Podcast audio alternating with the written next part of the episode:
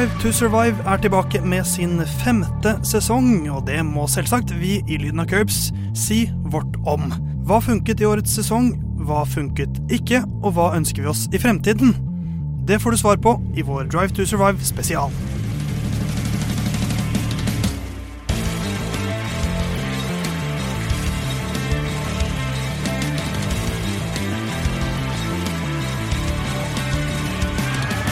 Allerede er Lyden av Curbs tilbake med en eh, aldri så liten eh, spesialepisode som kun skal handle om eh, Drive to Survive. Eh, Vår 45. episode. Du har funnet plass hit i dag også, Jon Halvdan. Det har jeg. Ved Theis sin side. Trofast som alltid. Ja, eh, og Drive to Survive-tittelen Man har jo egentlig større sjanse for å overleve hvis man ikke kjører, har man ikke det? Veldig godt poeng. Er du Så- uenig i det poenget, Herman? Uh, pff, Bare for å være vrien? ja, jeg er uenig i det poenget, fordi hvis du, skal, hvis du skal kjøre for å overleve i den bransjen, så er du nesten nødt til å ha et sete. Ja, men den eh, Det heter men, ikke Drive to Survive in Formula One. Ja, men det er jo det som er kontekst, da. Ja, det er skjønner jeg. ja, det er, jo- Den faglige diskusjonen er allerede Men, i gang. men plutselig var jeg han der som på en måte Ja, pedantisk. Ja, For dette er litt din episode, Herman. Men, men kontrær er du alltid. ja, det er sant. Men dette er også litt min episode, for det er den 45. episoden av Lyden av Curbs. eh, Som vil da si at eh, hvis vi involverer uh, julekalenderen vår, så er det 69. lydfila vi slipper til deg der hjemme. Og det er jo gøy i seg selv. Men det er jo episode 45, så jeg skal knytte den litt kjapt opp mot Right to Survive. Og jeg har vært litt lite kreativ og, som, og, og rett og slett sagt at episode 45 av Right to Survive det er da fra denne sesongen. Pardon my French er da den 45. episoden av Drive to Survive. Så da kunne jeg foreslått at vi skal ta hele episoden på fransk. For å liksom matche den tittelen der. Men det, Men da går jeg. ja, uh, oui, oui. Oui, oui. Je m'appelle Herma. Merd. Men uh, vi skal uh, gå gjennom årets sesong. Litt sånn episode for episode. Hva likte vi? Hva, hva likte vi ikke? Hva vil vi at uh, Drive to Survive skal være i fremtiden? Hva er egentlig Drive to Survive nå? Og uh, så skal vi komme med en anmeldelse også. Uh, trille terning, rett og slett, på uh, Drive to Survive. Så la oss dundre i gang.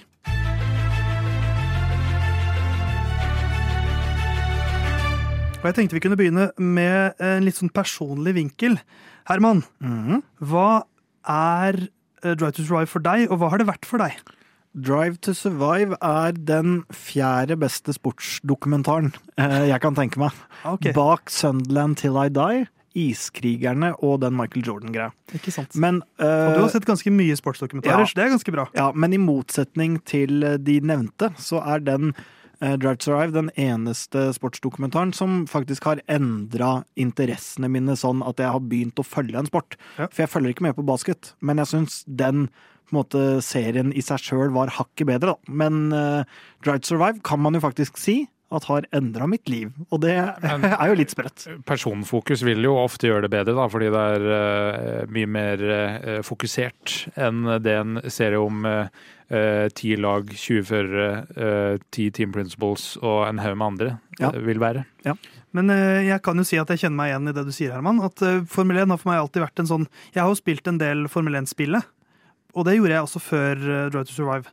Så sånn sett har jeg alltid hatt en slags sånn inntrykk av Men jeg, jeg så jo aldri et løp. Mm. Eh, Jeg så litt på TV da jeg var liten drittunge, fordi at det gikk på TV da. Og da var jeg bare hjemme i helgene og så på det, fordi det var det man gjorde da man var sju-åtte år gammel.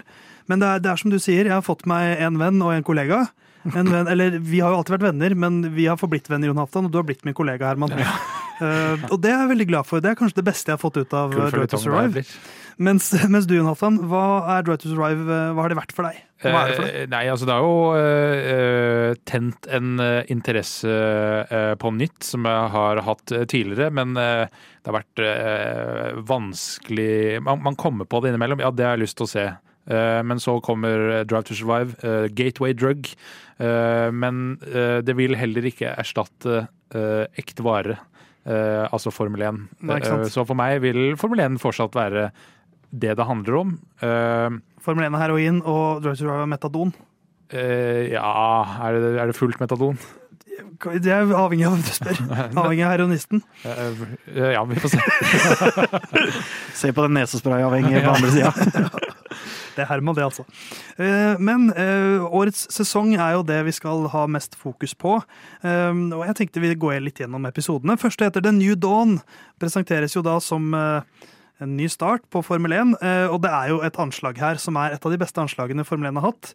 Nemlig Gunther Steiner og Mattia Benotto. Bestevenner. Kjører bil, plukker druer, drikker vin. Her er det tydelig at de har jobba litt med anslagene. Ja, Det har vi jo nevnt så vidt før. Det er jo en, eh, en slags rød tråd i flere av episodene at de her konstruerte scenene er bedre og mer på en måte genuine enn de andre. Da. Det har ikke vært sånn um, et eh, produksjonsteam har flydd over til USA for å møte Daniel Ricardo. Ok, vi må bare ha en time og okay, gå ut på en basketbane. Kan du, kan du hoppe ned i vannet her, Ja. Ricardo? Fordi det passer veldig med den metaforen Yes. med at nå skal du hoppe løs Ja, fra så, Red Bull. så det er jo klart, det er jo en TV-produksjon, og det er jo det det er, og en del konstruerte scener her og der, og, og sånne ting som man alltids kan kritisere de for, men her syns jeg jo det er mye vellagde og gode generiske Altså, det å se de to i den bilen Jeg tror ikke Netflix sine produsenter kan 100% styre den samtalen, for å si det nei. sånn, og da blir det, da blir det tillegg til noe man vanligvis ellers ikke kunne fått noe annet sted. Jeg tror ikke det fins en eneste god skuespiller i Team Principle-gamet eller i førergamet. Jeg tror jeg, eh, Kanskje Louis Hamilton, Ja, ja, men jeg, jeg, jeg tror i hvert fall ikke Nei. Gunther Steiner og Mattia Binotto er gode sku- skuespillere. Nei, nei, det er jeg enig. Så at de har en kjemi, det tror jeg på. Ja, men også funker det jo bedre å sette to til flere mennesker sammen i en uh, situasjon uh, og la det spille seg ut sjøl enn uh, Ricardo hopper i sjøen med noe voiceover og noe Ja. bla, bla, bla greier. eh, det funker dårligere enn eh, enn det er. Så enig, stiller meg bak eh, at anslaga eh, fungerer bra. Og så er det et grep som du ser fra en del SoMe-kontoer til lagene også, at de har satt førerne sine i en bil sammen, bedt Mm. dem kjøre rundt en, eh, en bane. Og så blir det gøy, for da tvinger du folk til å forholde seg til hverandre. Ja. Um, og så er det jo mye fokus på starten av sesongen, selvsagt. Og jeg, det er jo en Gunther Steiner-heavy episode, for her kommer jo plutselig Russland og invaderer Ukraina, og Masepin forsvinner. Og så er Kevin Magnussen tilbake. Så det, det, det, plutselig så var jeg tilbake der. Det var litt sånn fint tilbakeblikk på comebacket til Magnussen. Mm. Eh, Jeg gliste faktisk litt da så da han satte seg foran eh, Da han satt seg liksom i intervjustolen igjen. Ja. Det var et fint øyeblikk. Eh, Og så er det mye Ferrari og Bahrain. Episode to, det er Bounce Back. Eh, og de, er jo litt innom det i et punkt i episode én her som jeg også vil prate om, som er et av mine favorittøyeblikk fra hele sesongen. Når førerne går rundt og bare ser på bilene Mm. og prater med hverandre. Og alle ler litt av Mercedes-bilen. Det, Ja. det, det er sånt innhold. Det er, det er nesten Drive to Survive på sitt bedre for meg. Og George Russell prøver å si at den ser veldig bra ut. Ja, den ser rask ut. Ja. Uh, jeg syns mitt favorittøyeblikk, uh, kanskje hele sesongen, eh, er, men eh, foregår i denne episoden, er når eh, Stefano Dominicali eh, har invitert til møte med alle Team Principle om alle hoppinga, eller porpoisinga, hvor Gunther er han som ikke holder kjeft når læreren snakker. Og avslutter hele det ganske oppheta møtet med 'time to go porpoising'. Ja, for det, det, det, det var noen fine Det, brenner litt godt mellom team Principles her av og til. Det liker jeg godt. Og så syns jeg de skal ha for at de forklarer porpoising på, et godt, på en god måte. For jeg tror det fortsatt var et begrep som kanskje ikke alle forsto helt. Eh, Men det syns jeg kommer godt ut av episode to der. I hvert fall ikke hvis Formel 1-sesongen du får med deg er Drive to Survive. Nei, nei ikke sant. Um, har, har du noe du vil plukke opp eh, fra episoden her, Herman? Eller skal vi gå til episode tre, fire osv.? Ja, nei, altså det er jo bare en sånn Det er mer en generell kommentar, men kom, altså, når man skal se Drive to Survive, så kommer det litt an på hvilke øyne man skal se det med. Skal du prøve å se det som en sesongoppsummering, så er det bedre å gå inn på alle løpa på YouTube og se de på en måte fire-fem minutterne som ligger der. Eller skal man på en måte henge med på snakkisene, behind the scenes, alle mulige sånne ting? Fordi hvis man skal som sesongoppsummering, så fungerer jo ikke nødvendigvis så godt. Og det er jo litt de tinga man går gjennom her også. Sånn som ja, man får jo et unikt innblikk i hvordan ser Mercedes-bilen ut når alle går rundt og kommenterer den. Det er jo inn på det møtet med Team Principle. Sånn at du får jo et innblikk i veldig mye, men det er ikke nødvendigvis sånn at det dekker alt, da. Så det er jo på en måte en sånn slags hva skal jeg si, tilleggskommentar til alle episodene, føler jeg. At uh, hva de handler om er på en måte én ting, men en annen ting er hva du velger å se det som, da. Ja. Det er jo veldig ikke-lineær historiefortelling. Det er det. De hopper fram og tilbake i tid ja. ut fra episode til episode. Så episode tre handler jo mye om uh, Miami Grand, Grand Prix. Det er der de begynner. Der er det norske bidraget. La dere merke til det? Ja, Kygo. Kygo på scenen med ja. Landon Norris. og så er det mye fokus på Carlos Sainz sin Silverstone-seier. Og liksom dynamikken med, med, lagsjefene og Binotto. Mye Binotto i denne sesongen her. Mm, Forståelig nok. Uh, ja, det er jo for det første mye skryt til den der parkeringsplassen i Miami. Uh, og så er det Ferrari uh, being Ferrari, hvor de sier at Red Bull er bare un poco raskere enn oss. og det er klassisk Ferrari, som kanskje er litt på vei ut nå denne sesongen, med at vi ikke innser egentlig hvor ille det er. Nei, ikke sant. Så kommer Mick Schumacher-episoden. Mm. Den tristeste, kanskje, En av de tristeste episodene. Ja. Ehm, men samtidig med et av de fineste øyeblikkene når uh, Gunther Steiner sier hug, 'hug everyone in the mm. paddock', og han som intervjuer tror han sier 'fuck everyone ja. in the paddock'. Så det er litt tid før de skjønner begge to hva som har skjedd. Ja. Jeg har, jeg har skrevet starten, Gunther er gull, og Findel og Michael Schumacher òg. For man får litt historie der. Ja.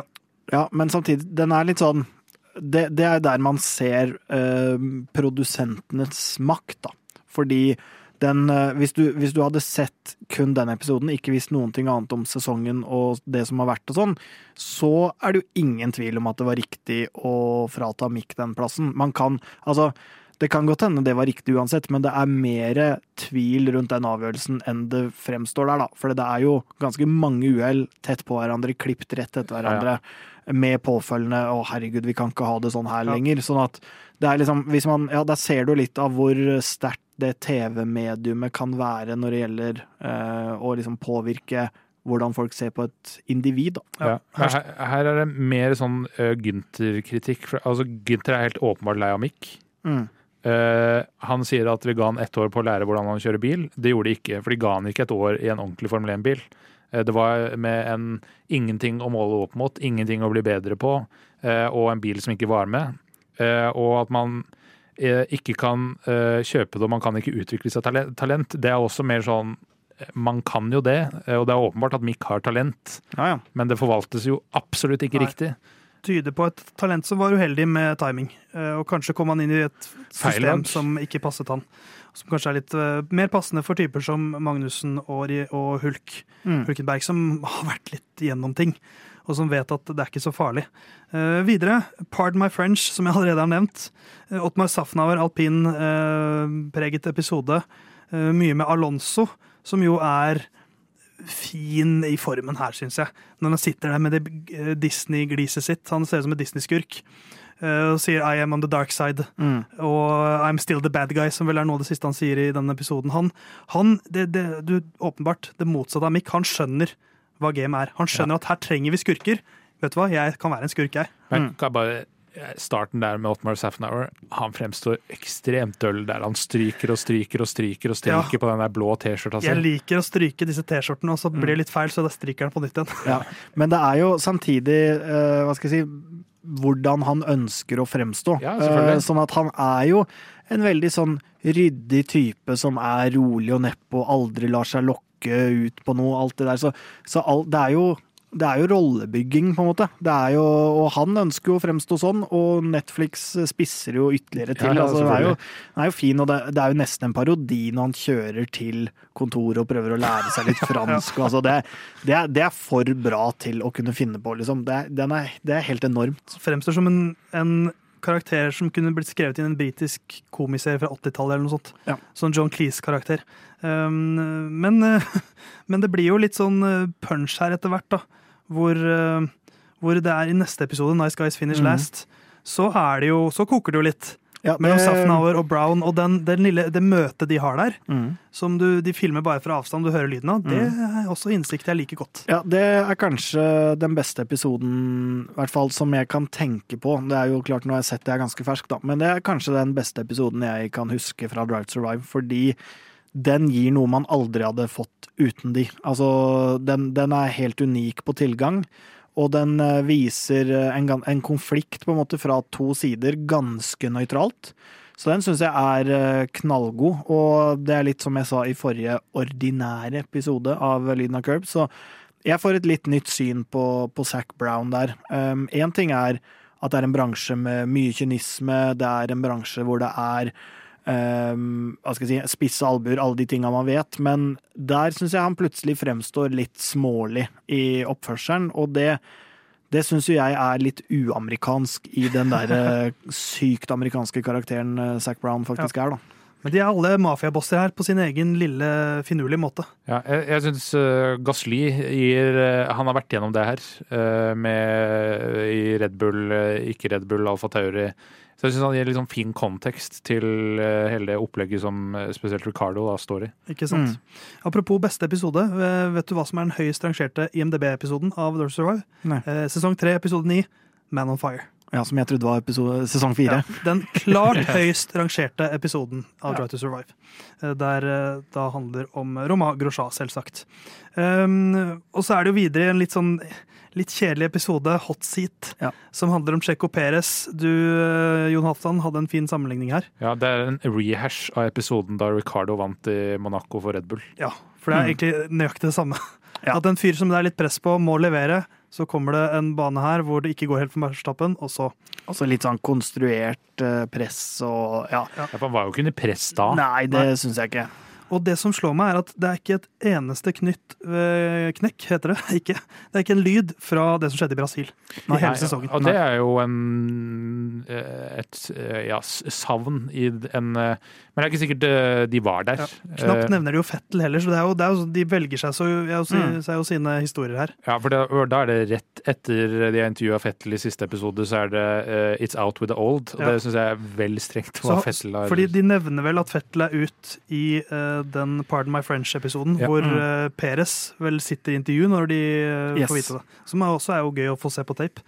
Men, uh, men ja, litt skuffende at den ikke var en, en del. Men, men, vi får en alfamale-episode.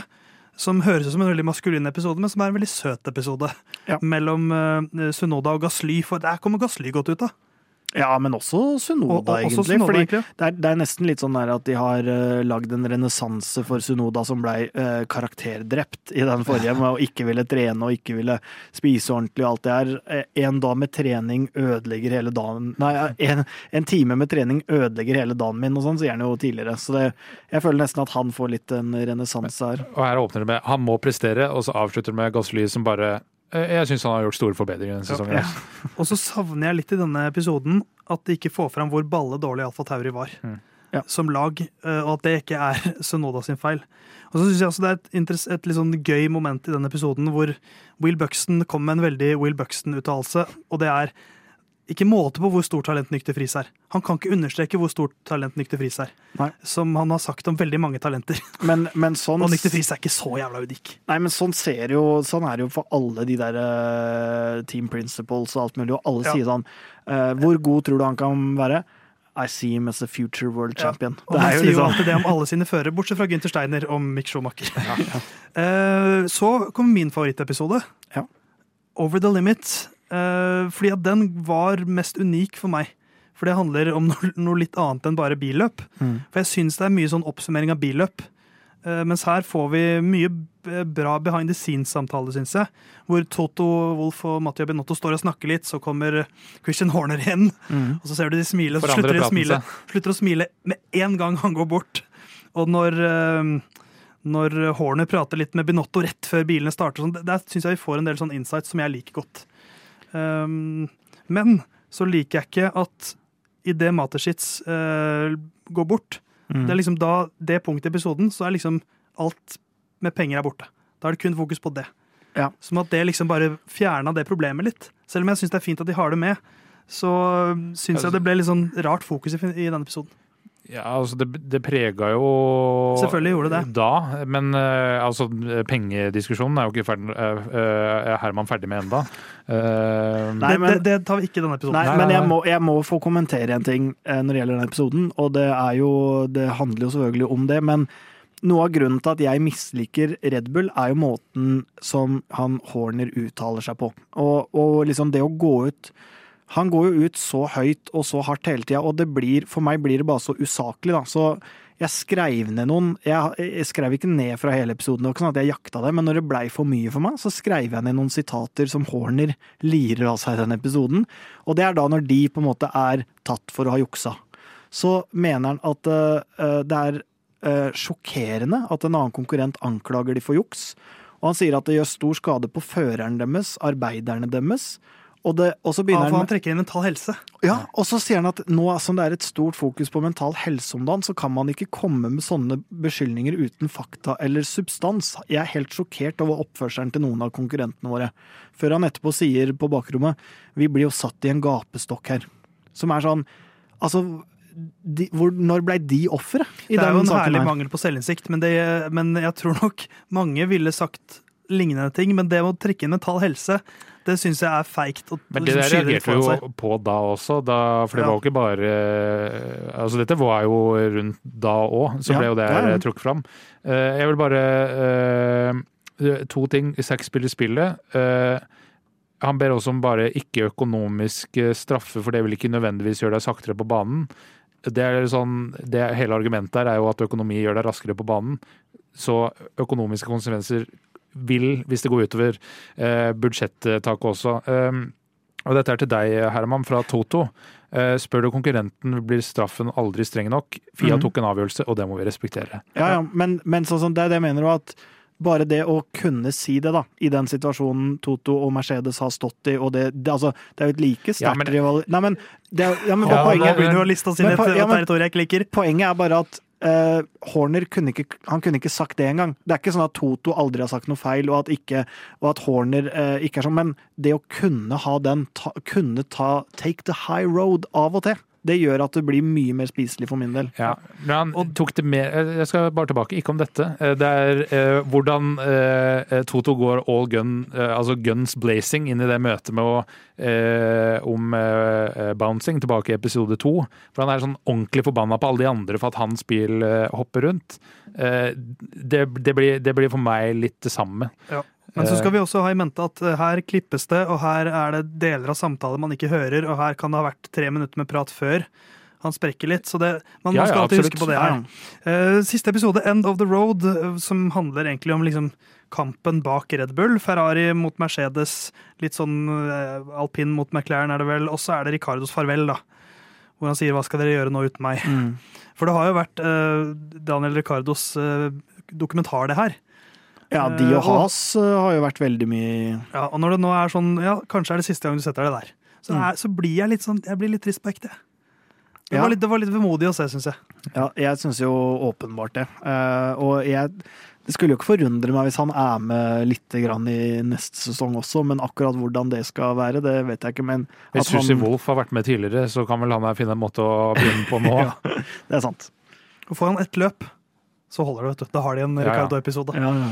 Men, eh, men ja, eh, det var de ti episodene. Hvem, eh, hvis vi skal snakke om hvem vi syns har kommet best ut av det, Mm. eventuelt verst ut av det, er det noen vi har, Jeg har nevnt Gassly allerede. Jeg har lyst til å trekke fram en jeg har vært hard mot tidligere. George Russell. Oi, Det er ikke så mye fokus på han, men jeg syns han fremstår både litt sånn spøkefull og morsom og sympatisk.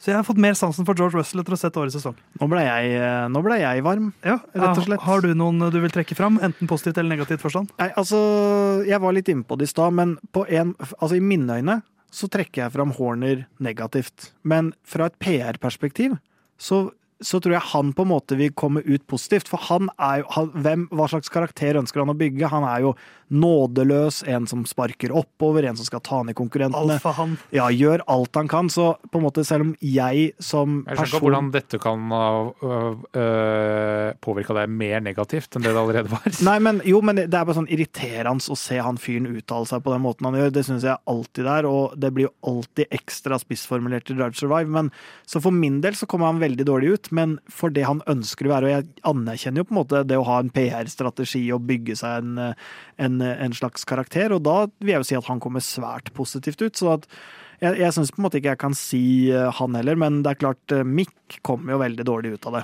Eh, Det er jo ikke mm, altså, sånn som det blir klippet. Fremstår jo sympatisk, og Ja. jeg syns jo synd på han, men han fremstår jo ikke talentfull. Nei.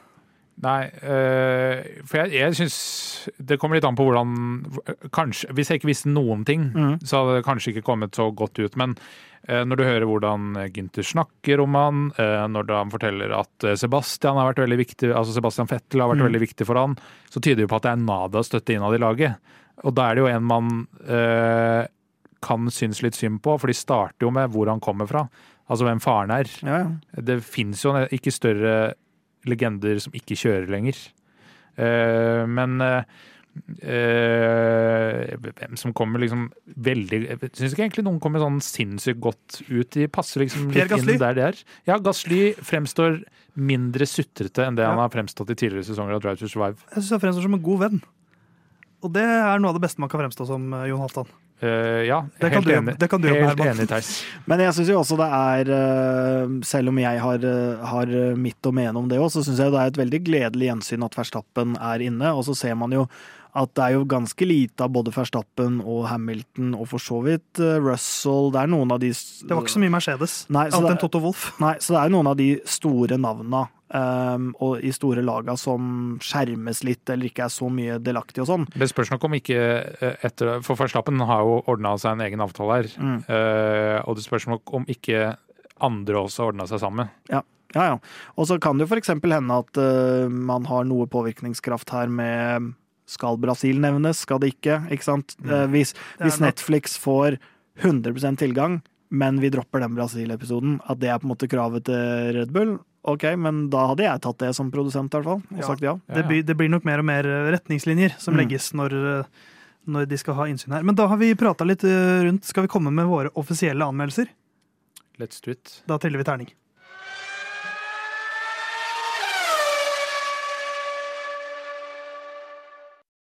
Drive to Survive har blitt litt som han fra videregående-klassen din som fremdeles snakker om russetiden 15 år etter at det skjedde, men som du fortsatt synes det er litt gøy å prate med på fest. Det er tegn på bedring fra Drive to Survive, men er det på tide å vokse opp enda litt mer nå? Terningkast fire. I sesong fem av Drive to Survive fortsetter Gynter å imponere i rollen som Gynter Steiner. Horner kler underdog-rollen bedre enn eh, overdog-rollen som han har nå, eh, mens Wolf kler overdog-rollen bedre enn underdog-rollen han har i denne sesongen. Selv om serien ikke har en lineær måte å fremstille sesongen på, fremstår den mer ærlig og tro mot kildematerialet enn tidligere, selv om den fortsetter å melke krasjene med de lengste pausene. Terningkast fire. For meg så handler først og fremst Drive to Survive om å se kule førere gå rundt på griden med hjelmen under armen. Det får jeg massevis her, sammen med en god del behind the scenes og noen litt rare konstruerte scener. Jeg gir terningkast seks. Ja.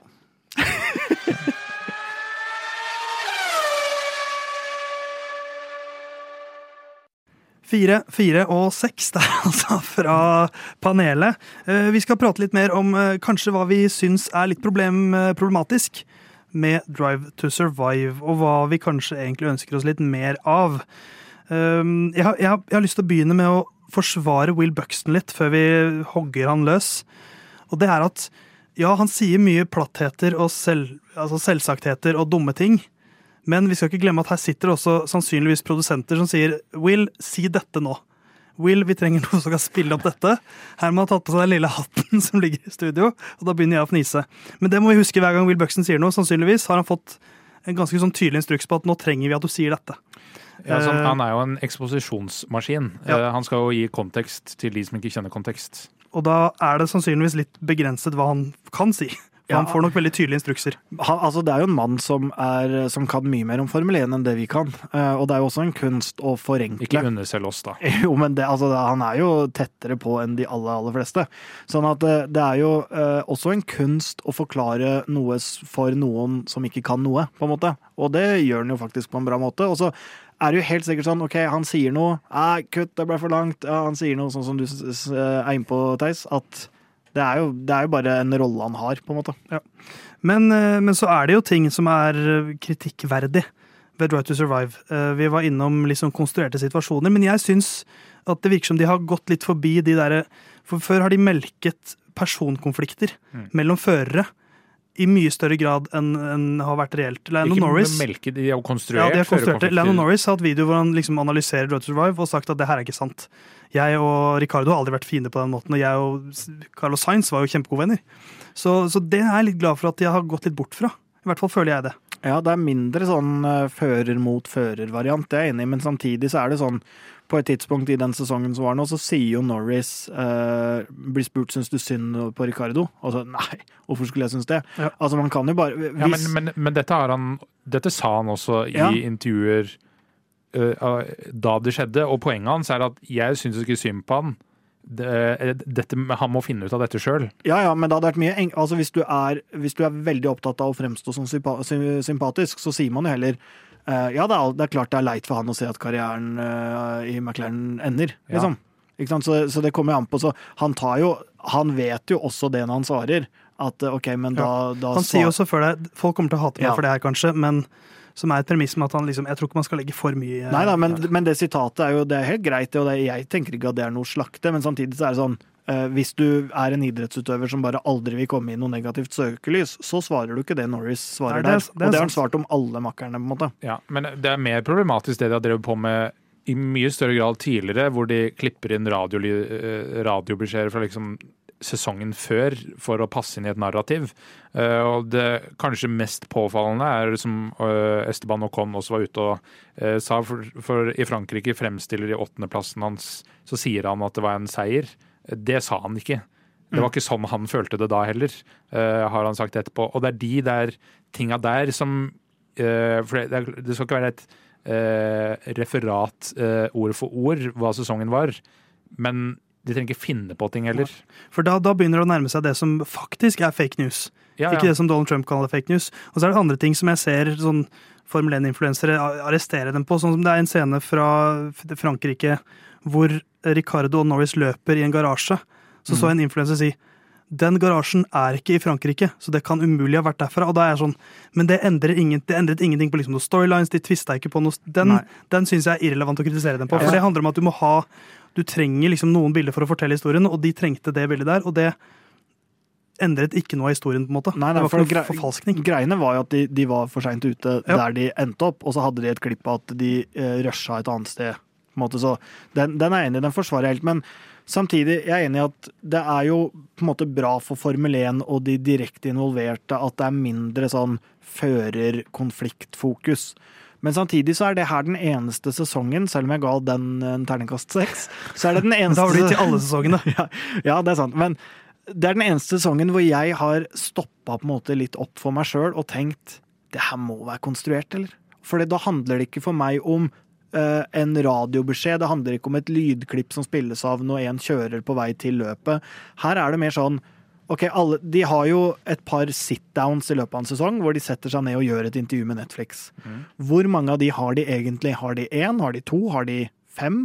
Ikke sant? For det, En del av de sit-downsa virker som det er etter hvert løp. Det her er jo vanlig greie i TV-bransjen. ikke sant? At man, man gjør en reaksjon Samme er jo i 71 grader nord. Ja, ikke sant? Du Mesternes mester. De Ja. gjør jo øvelsen, og så intervjues de om det etterpå. ja, og de snakker jo da i 'det skjer nå', på en måte. Jeg blir så imponert over å se den innsatsen, og så klipper de til det. Så det er helt vanlig, men det er sånn, hvis de på en måte har Jeg har et inntrykk av at noen av de tinga som har skjedd i ettertid, blir spilt opp også på en måte med et intervju i ettertid, også at det er sånn at det skjer der. Sånn som for eksempel at uh, Horner sier sånn Nei, nå har vi åpna sesongen dårlig, men vi får bare håpe at vi får skikk på bilen. Det er det eneste som kan stoppe oss nå, at vi får skikk på bilen. Og så er det sånn, det er litt kleint hvis det blir spilt inn i oktober, på en måte. Så det er eneste Ja, men, sesongen ja, men det, jeg har mindre problemer med det. Ja, ja jeg, kan, jeg kan skjønne det for det er jo mindre konstruert, for du forholder deg mer tettere til virkeligheten. Men Men, det er mer sånn Tenk at du nå er etter runde tre. Ja. ja, Fordi de har jo ikke 20 intervjuer Nei. med det. Og Det det, foretrekker nok eh, de som er med også, at de vil ha så få intervjuer som mulig. Så Ja. da er det sånn, ja, bare si hva jeg skal si. Men her er det også, bare for å, for å fortsette det resonnementet, så er det jo også en del ting her som er sånn um, Jeg husker ikke helt hva, men noe rundt det her med alpin og McLaren og sånne ting, hvor det er sånn Jeg får en liten magefølelse at eh, Netflix har sagt til Ottmar gå bort og snakk litt om eh, McLaren. Også at ikke det faktisk skjer der, da. At ikke det skjer der og da, men at det er litt sånn ikke sant? Si at det er flere uker etter de har uh, mista Piastri, ikke sant? og så skal de gå da og si sånn Nei, jeg skjønner ingenting av hva som skjer med Oscar nå, jeg. Ikke sant? Det, litt, det, det blir for meg litt kleint, og det er første sesongen jeg har egentlig ordentlig sånn tenkt over at det må være konstruert, men det er jo fortsatt Det er fordi du har hatt jeg syne det til deg i, en gang i uka. Men, men, men, det, men jeg, jeg tror det handler om større innsyn, for jeg merker at før så var to Survive noe som ga meg noe nytt. Mm. Det nye, nye historier. nå, nå får jeg noen nye scener, Mm. men jeg, får ikke, jeg lærer ikke så mye lenger, for jeg, har nok, jeg bryr meg jo mye mer om det nå. Mm. Nå har jeg en podkast, så nå må jeg følge mye mer med. Men det, det er Jeg begynner å bli litt sånn Spenningsmomentet forsvinner jo helt nå for meg, Mm. fordi at jeg vet jo alt som Det er jo ingenting som er noe nytt. Eh, Så det er ikke noe spennende å se på lenger for meg. Fordi at Da jeg så andre sesongen, tredje sesongen, da var, jo, da var det jo mye nytt som jeg fikk med meg. Mm. For da så jeg bare løpene så vidt. Ja, men eh, er- altså Og det, det er jo på en måte ikke noe galt med serien, men det er mer kanskje at spørsmålet da er hvem er egentlig serien for nå? eh, altså, Det kommer jo litt an på, da. Altså, det serien dreiv på med forrige sesong, sesongen før, konstruerer mye ting. Eh, eh, og så ja, det genererer eh, nye seere, men det er jo ikke dette produktet er. Sånn at du blir skuffa når det ok, ja, det er bare biler som kjører 57 runder rundt en bane. Eh, fordi det Drive to Survive handler om, er jo sjelden løpet. Det er jo det rundt. Mm. Eh, så for meg er det mer sånn extended edition av Ringenes herre. Oh, det er jo det beste som fins. det er flere scener til hele historien eh, som er er sesongen. Eh, så for meg så gir det ekstra, og for folk som eh, Og det er- fungerer, syns jeg også, som et underholdningsprodukt, fordi de forklarer såpass eh, mye. Og nå er de mye mer retta opp mye av de, mer av de tinga som jeg har vært kritisk til med de tidligere sesongene. At de finner ikke på Nei. så mye ting. Det kan hende de har skjønt at nå har vi kanskje nådd et slags metningspunkt på nye mennesker vi kan nå. Nå må vi kanskje endre oss litt og ta, Altså, ta seerne litt mer seriøst. Og så fomla de veldig med forrige sesong, fordi altså eh, 2021-sesongen, som var vidt, Altså denne sesongen skriver seg sjøl. Det er eh, konflikt på konflikt, og så klarer de ikke å fremstille det på eh, ikke, ikke en, altså Det blir nesten ikke fremstilt. Nei. Men eh, hvis vi skal se litt fram i tida, hva, hva ønsker vi oss av neste sesong Mm. av Drive to Survive? Hva håper vi at vi får se i fremtiden? Hvilken retning vil vi at eh, programmet skal ta? Jeg tenker jo at for meg som ser alle løp, så er det viktigste, og det kan fortsette å tilby, er den behind the scenes-følelsen. Og så innser jeg samtidig at de ønsker å nå breiere enn de som ser Formel 1. Det er jo sånn som jeg blei hooka inn, blant annet. Jeg hadde en generell sportsinteresse, så de må ha den delen, men at det, egentlig at, at de fortsetter i den retninga de er nå, for det er ganske mye behind the scenes av dialog hvor de bare filmer typ kontordøra. Ikke sant? Når Zac Brown går til alpin og skal prate med de. De liker jeg. Ja, når, når uh, Horner snakker med Eller går til Fia. Det er masse sånn det er sånn, De småscener de, egentlig, Det er sånn et marerittjobb for produksjonsteamet, for de må bare henge på alt, egentlig. Og så se, få se mest mulig av det. Og så den andre delen, den litt kjedeligere delen for oss som allerede vet hva som skjer, den må også være der. Men det viktigste for meg er å få se knallgode, fine bilder av førere som går i slow motion med hjelmen under armen. Din favorittdel av 'Mesternes mester' er når de danser ut av huset i sakte film. Ja, stemmer. Så du vil egentlig ha de sånn eh, ut av bilen? Ja, egentlig. Ikke sant. Enn du, Jon Halvdan, har du noen ønsker om eh, neste sesong og fremtid? Eh, Nei, altså mer, eh, mer av eh, eh, den tilgangen som man ikke får uh, vanligvis, som første sesong spesielt var. Eh, Nå som man også har fått uh, Verstappen med på laget, eh, hvor man er enda mer eh, får se eh, alle førerne, og at man eh, forteller mer rundt det som faktisk skjedde, og ikke ting som aldri skjedde. Ikke sant? Mer eh, dokumentar. Ja, Enn er jo Top Gun. Ja, Ja. det er jo en dokumentarserie. Mer inspirert av Top Gun. Ja, eller mer Kardashian-inspirert. Ja, faktisk sant. Jeg, jeg, jeg er jo for så vidt enig i alt dere sier, men jeg, ønsker, jeg har lyst til at de begynner litt tidligere. Jeg har lyst til å få litt innblikk i mer sånn ut med det tekniske. Hvorfor har de ikke liksom dykket ned i utviklingen av bilen? Hvordan liksom alt foregår litt før? Jeg har lyst til at det skal være litt mer sakte-TV. IP.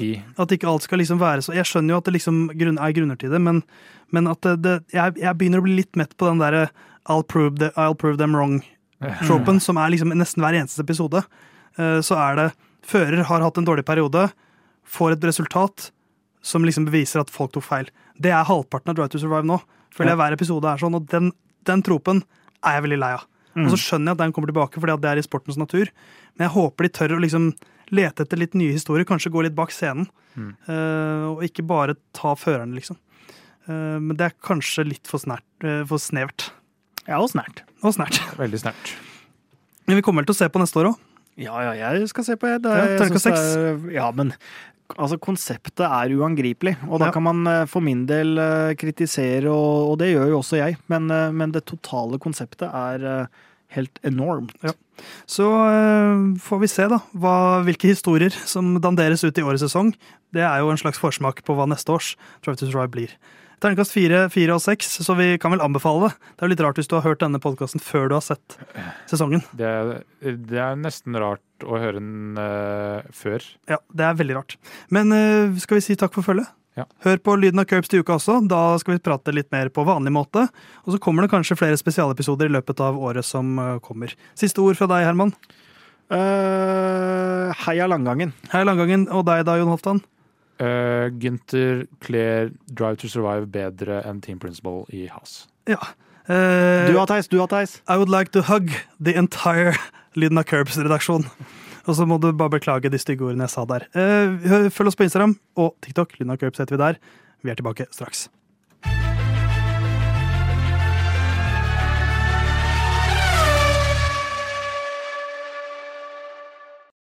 Good luck this weekend, Stroll.